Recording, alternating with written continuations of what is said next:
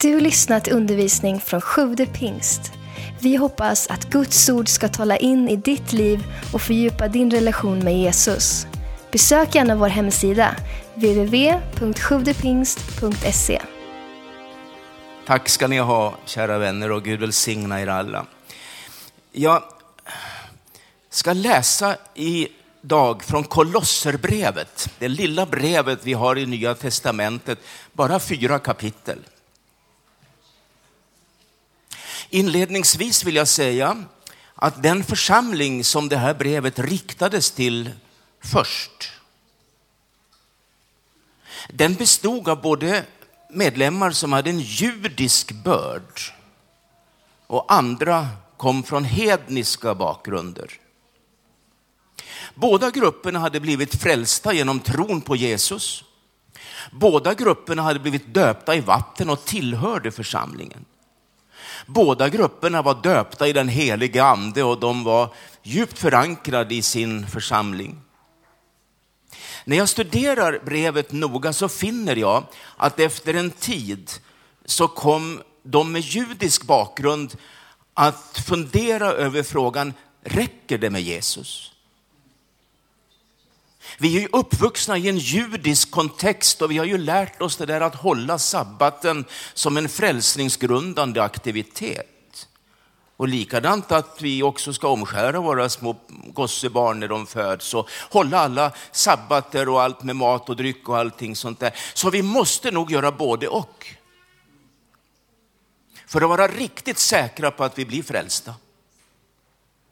De med hednisk bakgrund hade samma brottning, för de tänkte, det räcker nog inte med Jesus, för att vi kommer ju från ett hedniskt sammanhang där vi, där vi satte stort värde på att tro på astrologi och stjärnor och, och, och hednisk filosofi och mycket som Paulus beskriver i det andra kapitlets nionde vers och sedan 18 och 19 också.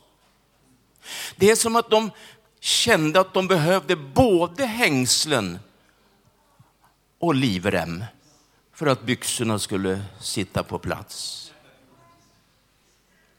Och utifrån den verklighetsbeskrivningen får aposteln Paulus, som möter församlingens pastor här som heter Epafras i fängelset, då han fick hela storyn, hela berättelsen, så fick han anledning att skriva det här brevet och korrigera församlingen. Det räcker med Jesus, skriver han. För Jesus är den främste. Jesus är den förste. Jesus är den högste. Jesus är den ende. Och han går, förstår du, så långt tillbaka i historien som det överhuvud är möjligt för att beskriva detta. Han går till skapelsen. Och i första kapitlet 16 vers använder han tre prepositioner för att beskriva detta. I Kristus skapades allt. Genom Kristus skapades allt. Till Kristus skapades allt. Så om Jesus nu var den främste i själva skapelsen, skulle han då inte vara den främste i församlingen? Aposteln är en utomordentlig pedagog där han utifrån skapelsetexterna beskriver Kristi ställning i den lokala församlingen i staden Kolosse. Sen går han vidare här i, i kapitlet och från den 19 versen beskriver han Jesus som den främste försonaren och därmed den ende försonar.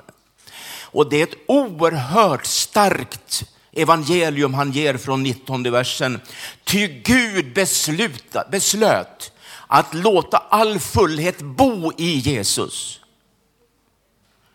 För att genom honom försona allt med sig sedan han skapat frid och i kraften av blodet på korset ge oss frid genom honom både på jorden och i himlen.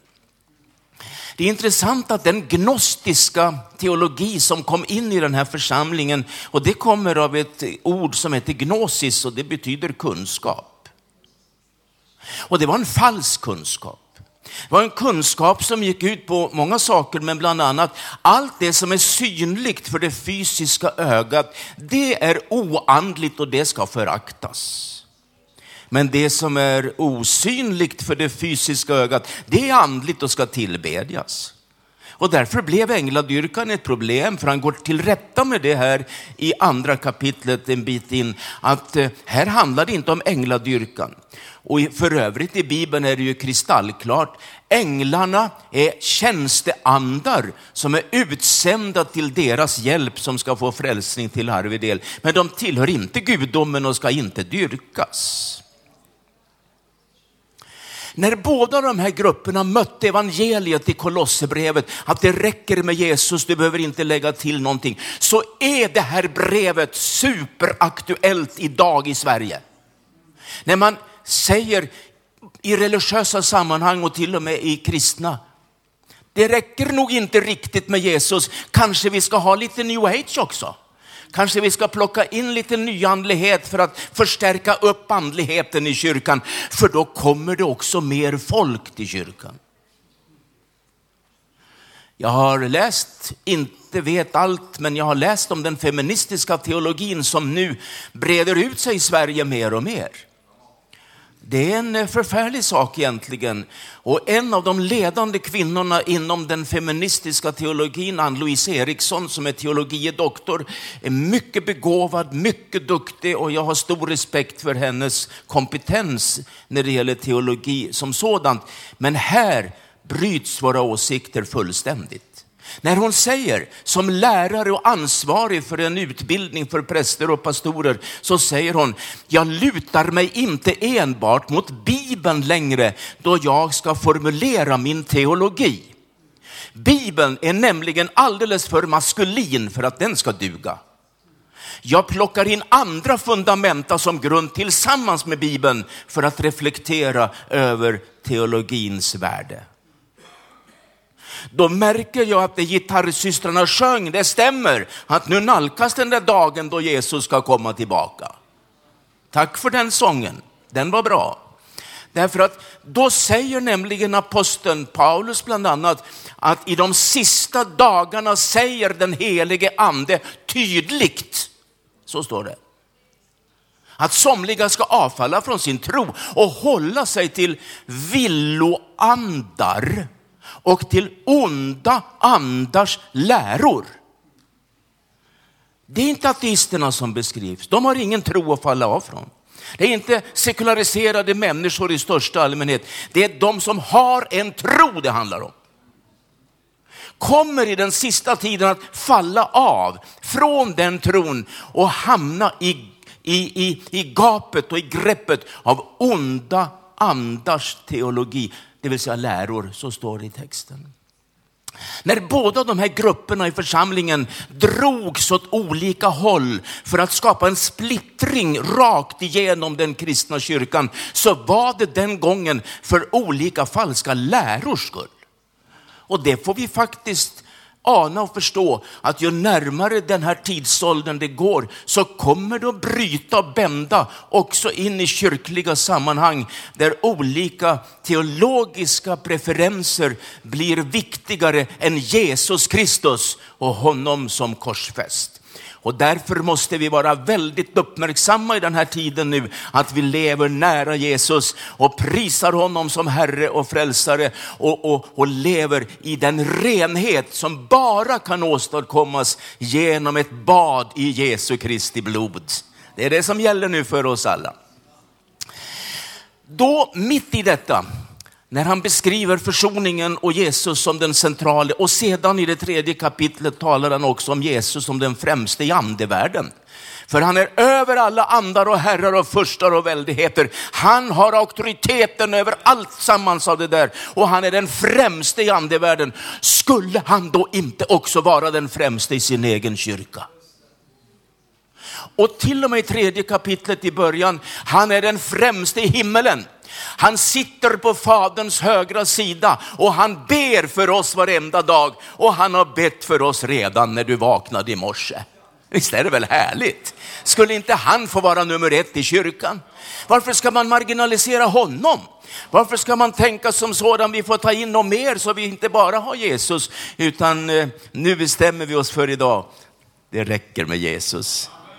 Ja, det var härligt att det var en fem, sex stycken. Det var inte många på den sidan. Men ni sa väl amen och halleluja tyst i era hjärtan förstår jag. Ja, absolut gjorde ni det.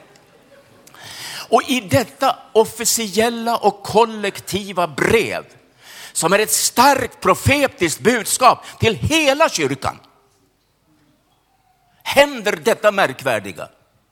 Att en enda medlem i församlingen, en enda broder vid namn Arkippos, det var en härlig broder i den här församlingen.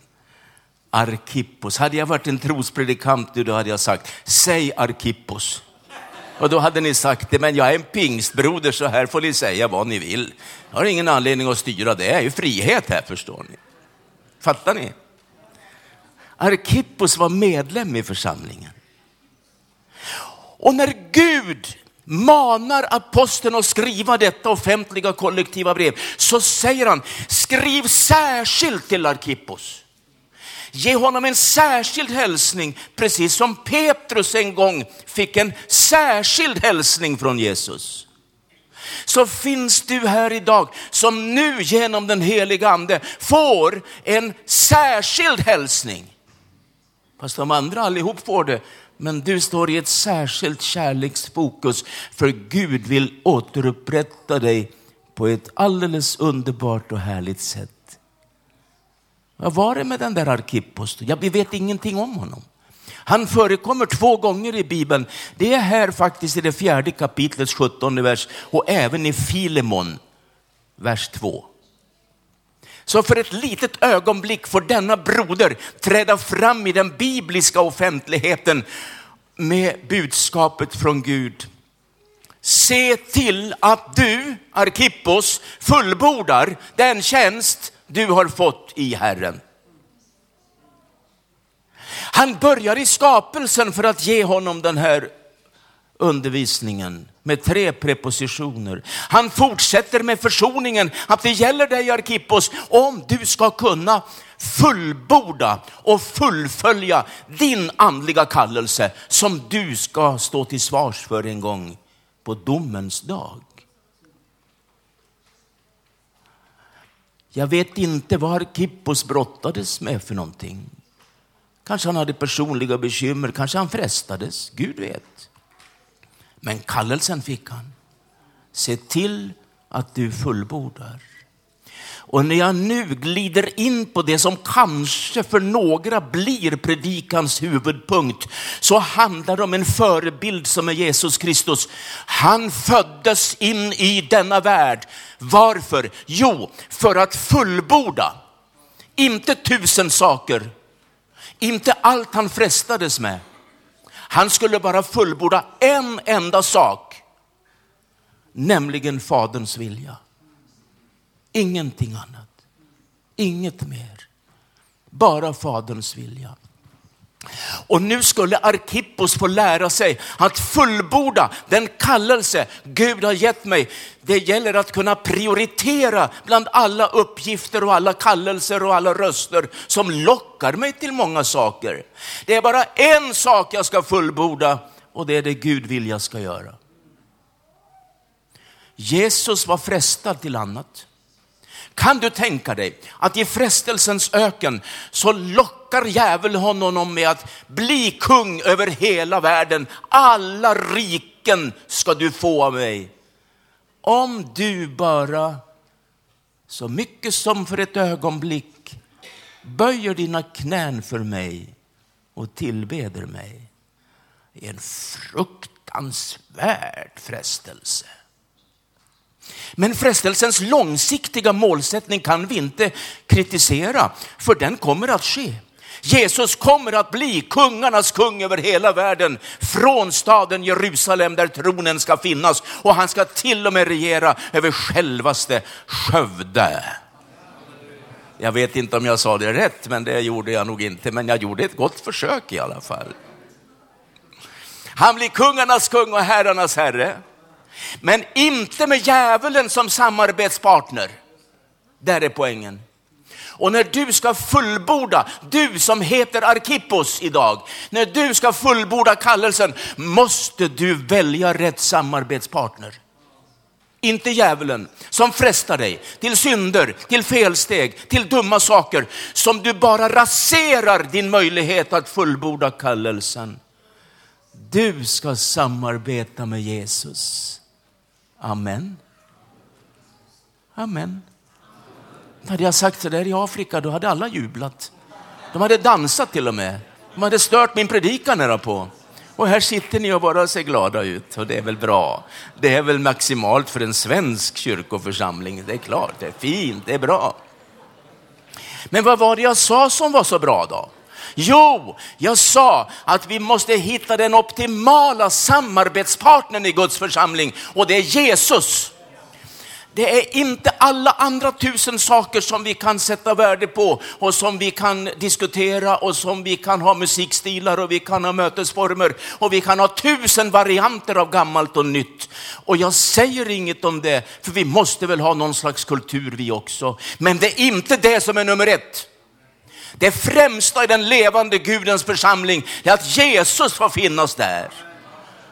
Och att han får leda oss till att fullborda det som Gud har gett oss. Så när han hängde på korset och sa det är fullbordat så var han segervinnaren.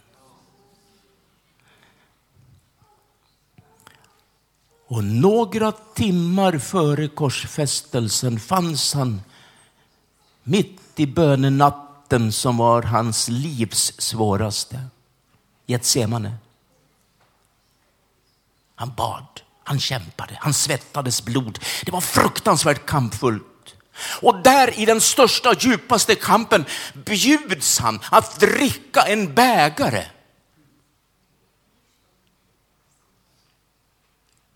Och när han såg ner i bägaren blev han förskräckt.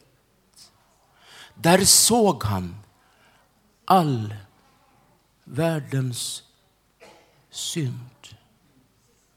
Där såg han krig, förödelse, våldtäkter, stöld, mord, allt, allt, allt. Det djupaste, djupaste av synd och orenhet såg han i denna bägare. Så hör han rösten som säger, drick. Och för ett ögonblick ryggade Jesus tillbaka och sa, det går inte att dricka, det är omöjligt, det går inte att dricka denna bägare. Men innan han ens hade andats ett nytt andetag så tillägger han, men Fader, om det är din vilja, då dricker jag. Och han drack inte bara gjorde som vinsmakarna och provarna i TV4s morgonsoffa. De snuttar lite på det och ger sin bedömning. Han drack alltihop. Han tömde bägaren. Det fanns inte en droppe kvar i bägaren när han hade druckit. Han tog alla svåra synder och all orättfärdighet. Han drack allt sammans och blev till ett med det i sin gudfruktiga kropp. Och till detta lär Kolosserbrevet som jag just nyss läste. Den gudomliga fullheten tog sin boning i Jesus lekamligen.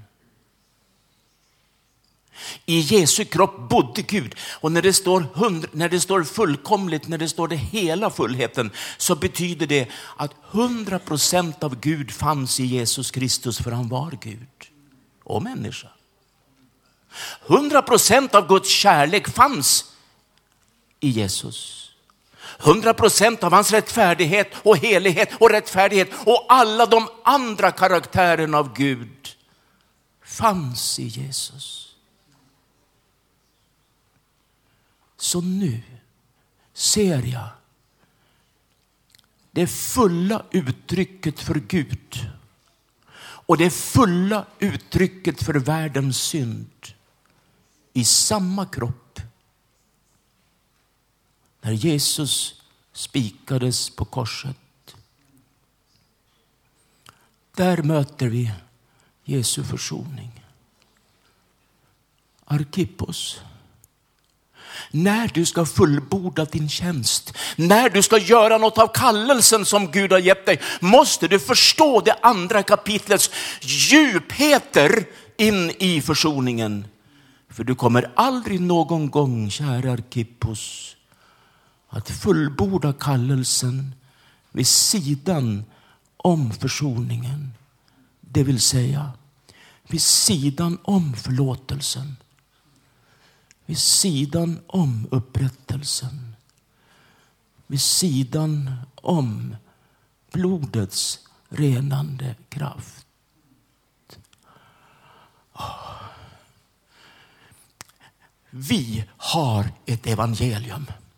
Vi har ett budskap. Vi ger det ut till världen och jag hör att ni är så verksamma att nå ut både i Albanien och i andra länder och framförallt här hemma i er egen stad. Men vet du, när ni ger budskapet till människorna måste ni lära er att praktisera samma evangelium internt i församlingen. Om ni som församling ska kunna fullborda den kallelse som Gud gav den pingstförsamling som väl var den första i hela landet, tar jag för mig att det är. Kan det stämma? Oj, vad gamla ni är. Jag får buga. Men den är inte fullbordad än. Det är inte klart än. Hörde du vad jag sa?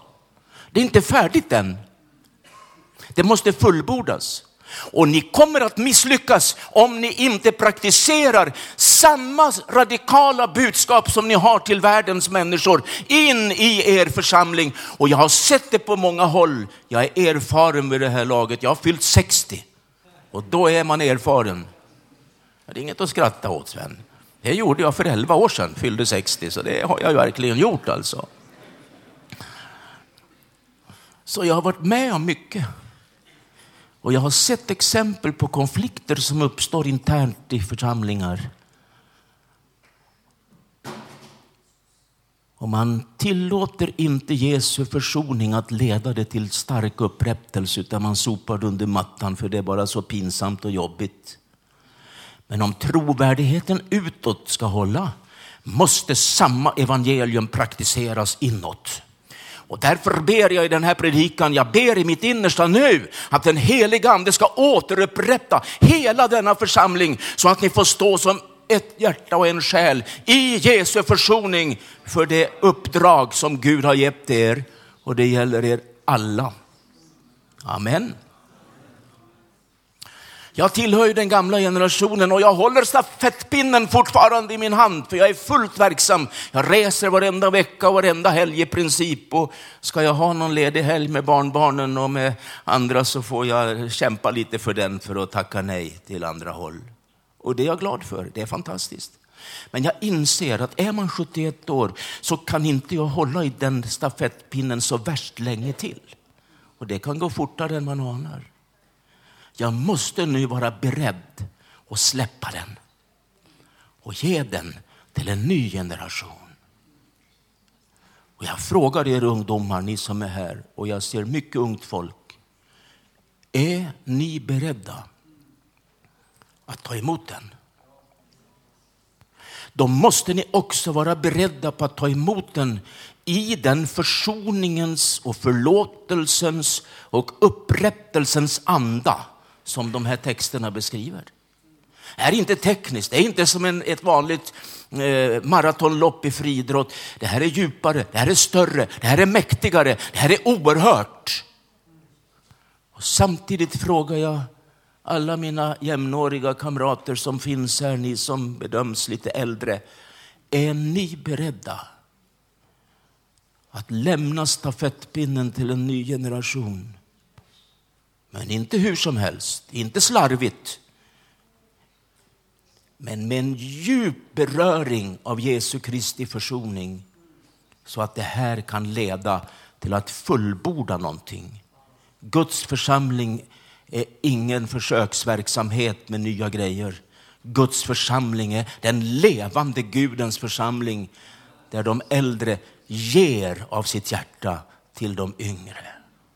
Så var det för Paulus när han mötte sin andlige son Timoteus. Så var det för profeten Elia när manteln föll av honom till Elisa som skulle fullfölja profettjänsten. Halleluja. När jag, när jag läser Kolosserbrevet så ser jag att undervisningen som en djup teologisk insikt om Jesu försoning och Jesus ställning i kyrkan, det är inte bara en teologisk insikt. Det är inte bara läromässigt, utan det går mycket djupare än så. Det går djupt in i Arkippos och de andra medlemmarnas hjärtan så att de började reflektera över hur ska vi kunna fullborda bara det som Jesus har kallat oss till och inget annat. Och får jag vara lite personlig för en stund. Jag har ju varit pastor som ni hörde här i flera församlingar. Och jag minns när jag kom till Philadelphia, Stockholm som ju är en stor församling och det var mycket arbete och det var förfärligt roligt och vi hade en underbart fin tid där. Vi fick döpa nästan 2000 människor och det är ju inte så mycket för Afrika och de här länderna, men för Sverige så är det ju bra på en 11-årsperiod. Och det var inte väckelse precis, jag vill inte kalla det så, men det var en, en god och rejäl tid, det var det faktiskt. Men när jag kom dit så fanns det mycket förväntningar på mig. Att jag skulle vara med i alla ekumeniska sammanhang och jag skulle vara med i alla styrelser som hade att göra med pingströrelsens affärsdrivande företag eh, som hade goda målsättningar och det var inget fel i det. Men nu var jag föreståndare där och nu skulle jag vara med i allt. Och i församlingen var jag ordförande i ekonomirådet och jag var ordförande i missionskommittén och jag var ordförande för barn och ungdom. Jag var med överallt. Jag var nästan som Gud, allestädes närvarande. Och det var spännande. Det var roligt, jag var bekräftad. Men jag kom till en punkt efter några år där jag kände, nu håller jag på att förlora huvudkallelsen. Jag prövade mig och lärde mig till slut att predika oförberett på söndag förmiddag. För jag tyckte inte att jag haft någon sportslig chans att ge förberedelsen den mentala tid som den behövde. Och jag kom fram till en punkt att sluta min tjänst. Delvis för att återerövra huvudkallelsen. Att få förkunna evangelium och leva i den tjänst som jag sedan nu har fått blomma ut i snart 20 år. I Guds församling finns det kallelser som ruvar. Och du som har en kallelse, en gåva, en tjänst, du ska fullborda den tjänsten. Och du ska göra det i kraft av den heliga ande. Och du ska inte be om tusen andra uppdrag. Du ska göra det som är din kallelsegåva. Och du som läser min bok God jord, du får mycket stoff på det här. För jag vet inte om den här predikan direkt finns där, det tror jag inte att den gör. Men ämnet att utvecklas, att mogna, att eh, växa i sin kallelse. Och, och när, jag, när jag bad prästen Karl-Erik Salberg, som nog de flesta här känner till, att skriva ett förord så gjorde han det gärna när han hade läst min bok. Han kom ju till Klara kyrka i Stockholm ungefär samtidigt som jag kom till Philadelphia. Och vi blev mycket goda vänner. Och en härlig broder måste jag säga, prästen i Klara.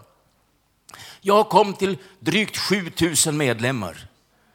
Och de som kom till högmässan hos honom, det var sex äldre damer. Det var inget fel på damerna, för de hade hatt på sig och de hade käpp också och väska. De var välutrustade alla, alla damerna som kom. Det var inte de som var problemet. Men kyrkorådet och de som bestämde sa vi måste lägga ner Klara för det är ingen idé att hålla på där. Det kommer inget folk där. Och självklart, för det är ju ingen som bor där just inne i själva centrum. De bor ju på förorterna. Men vi ger, vi ger Salberg en chans. Han får göra ett försök, sen lägger vi ner. Vet ni vad Salberg gjorde? Han gjorde bara det som var Guds kallelse till honom. Och det var två saker i princip. Han bad till Gud och vann själar på Sergels torg. Han fullbordade det. Och vet du, när han hade sitt avskedsmöte för några månader sedan, eller ett år sedan kanske, då var katedralen så fullsatt så det gick inte in en enda tant med hatt och handväska längre.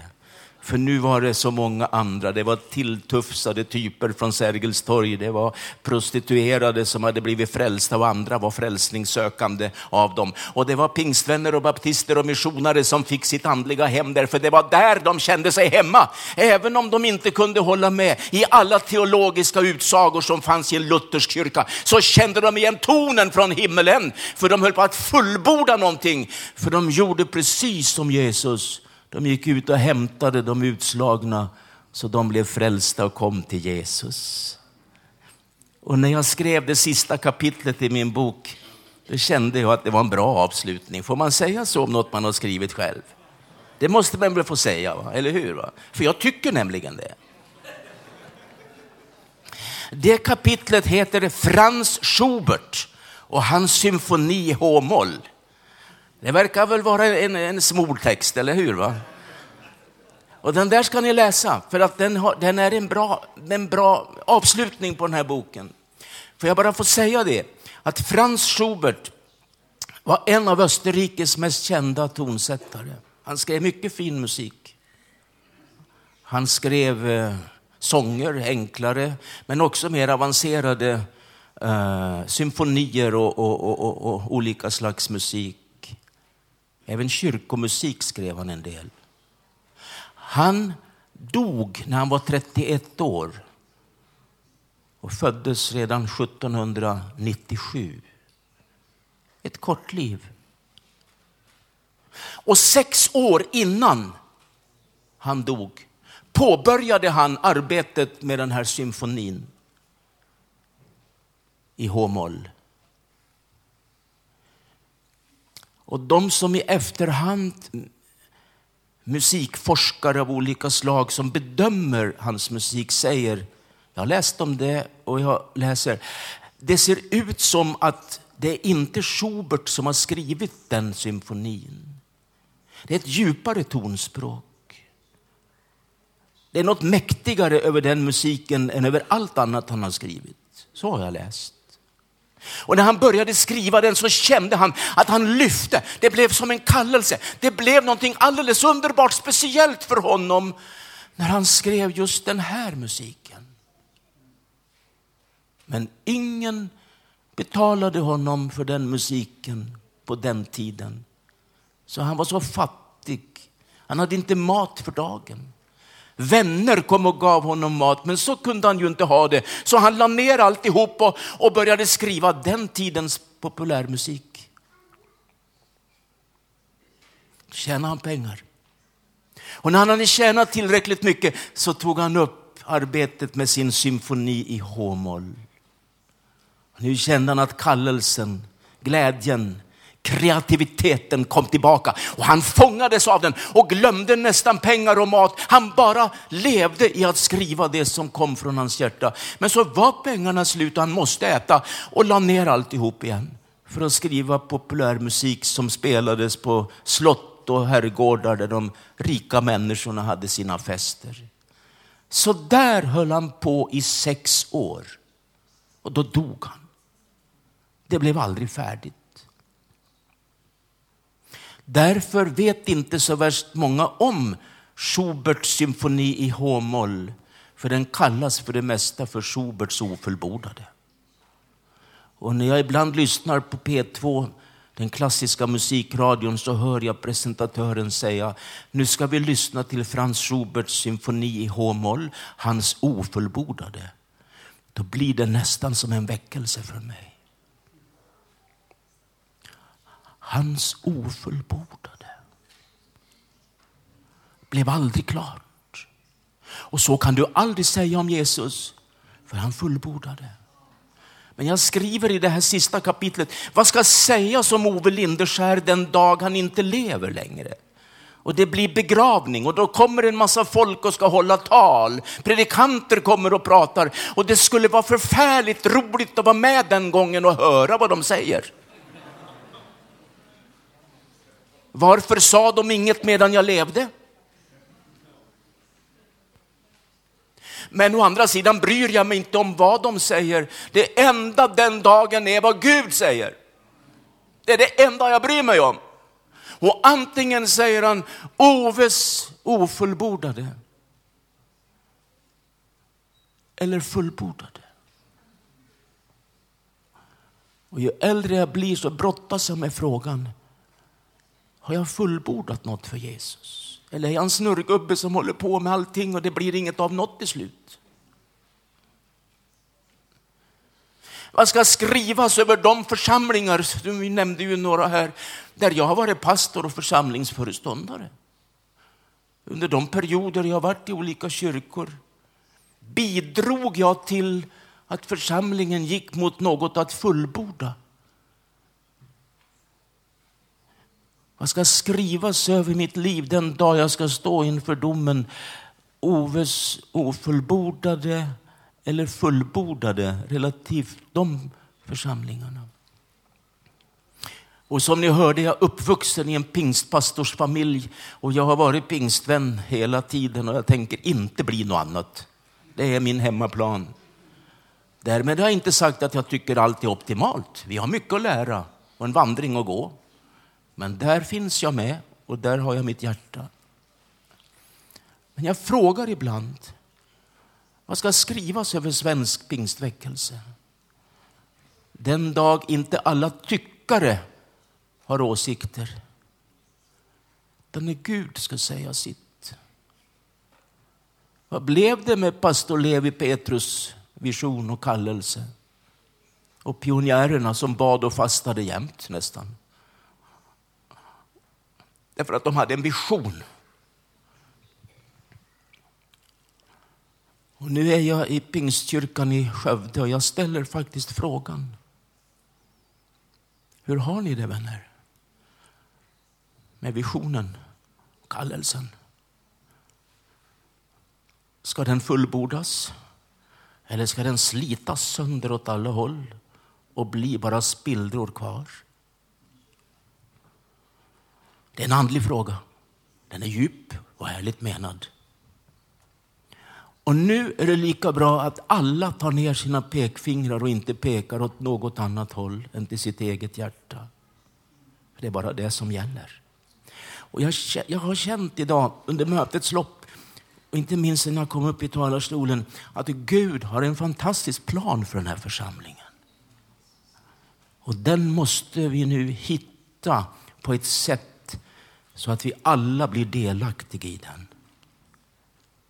Och då gäller det från pastorer och äldste, diakoner och ledare, kvinnor och män, invandrare, svenskar, ungdomar och äldre. Är det inte tid nu att ödmjuka sig in i det som är församlingens huvudförkunnelse, nämligen försoning som leder till upprättelse. Det har jag känt som viktigt inför det här mötet. Sakfrågor kan variera.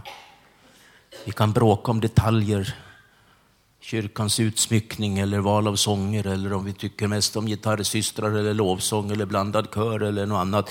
Och, och det kan vi gott få hålla på och samtala om för det hör till kulturen. Det måste vi kunna göra. Men om det får för stor plats i våra hjärtan, sådana saker, då kanske vi riskerar att Jesus inte riktigt blir så stor som han skulle få vara, för vi har fel fokus då. Och därför känner jag att frågan måste sägas igen. Vill du vara med om att fullborda kallelsen? Och jag låter Paulus ord till den församlingen i Kolosse, till den personliga människan, enskilda individen som fanns där. Arkippos.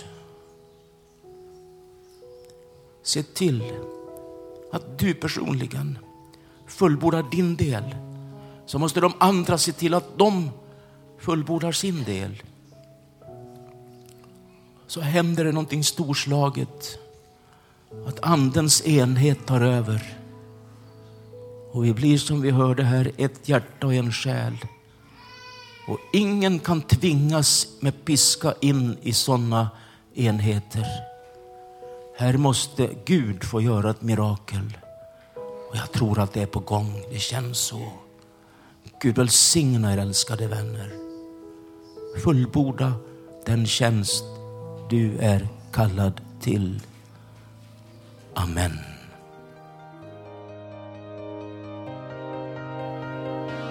Tack för att du lyssnat. Glöm inte att du alltid är välkommen till vår kyrka. Du hittar mer info på www.sjodepingst.se